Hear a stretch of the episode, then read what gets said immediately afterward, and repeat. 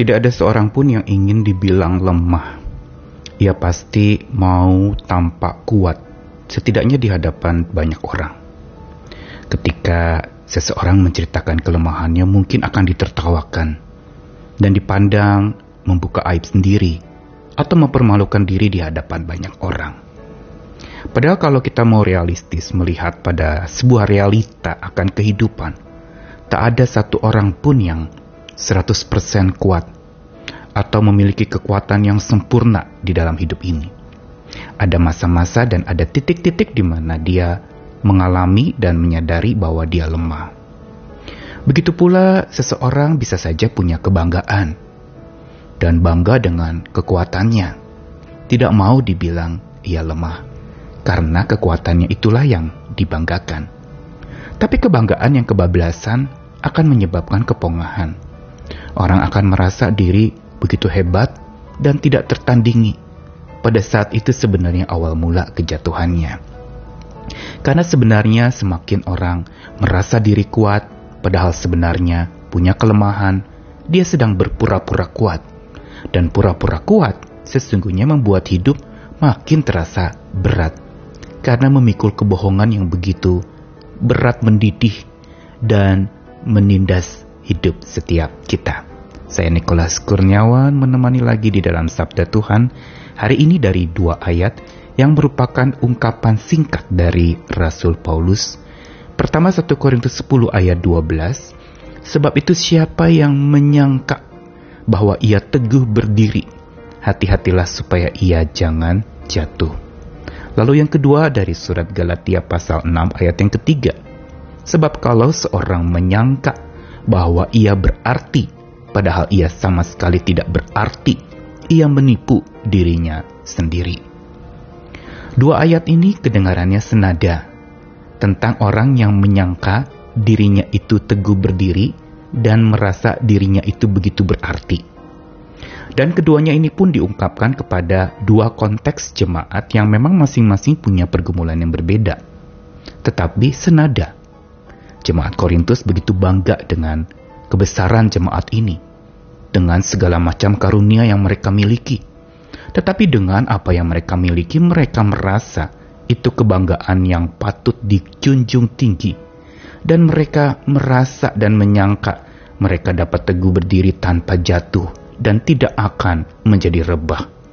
Tetapi peringatan Paulus kepada jemaat di Korintus jelas bahwa siapa yang menyangka ia dapat teguh berdiri terus, hati-hati supaya ia jangan jatuh. Lalu yang kedua kepada jemaat Galatia.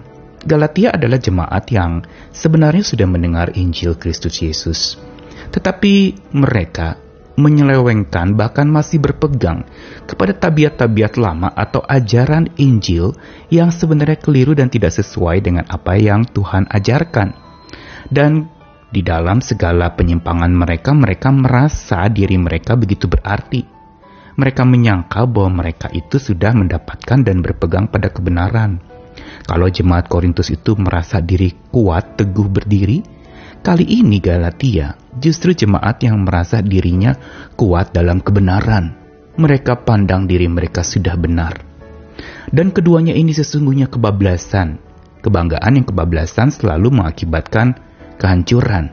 Dan peringatan Rasul Paulus jelas yang pertama dikatakan hati-hati supaya jangan jatuh.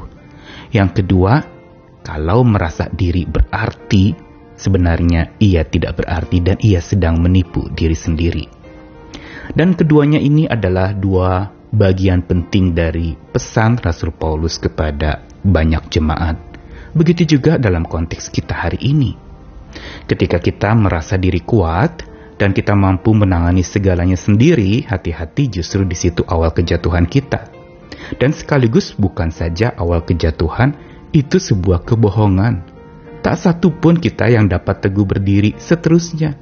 Dan tak satu pun kita yang sangat berarti karena tiap kita punya titik-titik lemah, punya kelemahan dan kekurangan, punya rasa sakit, punya aib, punya dosa dan kesalahan. Saya jadi ingat apa yang Yesus pernah katakan kepada orang-orang beragama pada masa dia hidup.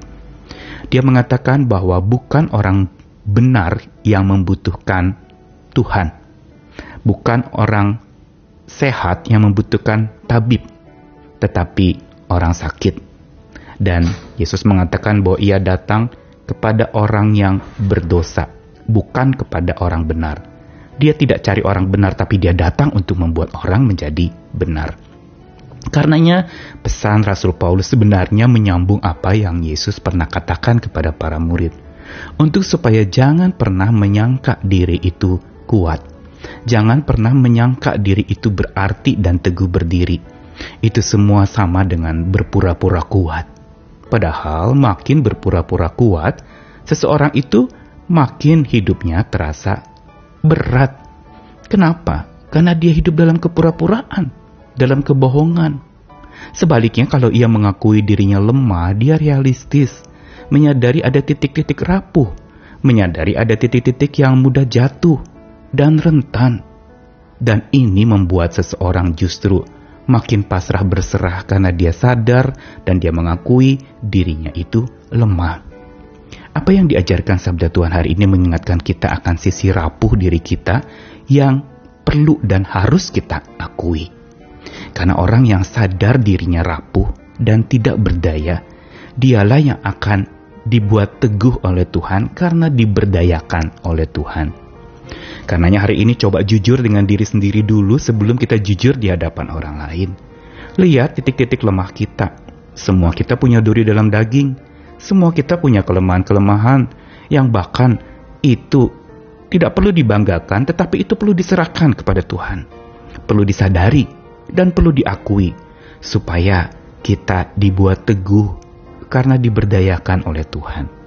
Mari kita jangan pura-pura kuat tetapi jujur mengakui lemah. Jujur mengakui saya rapuh.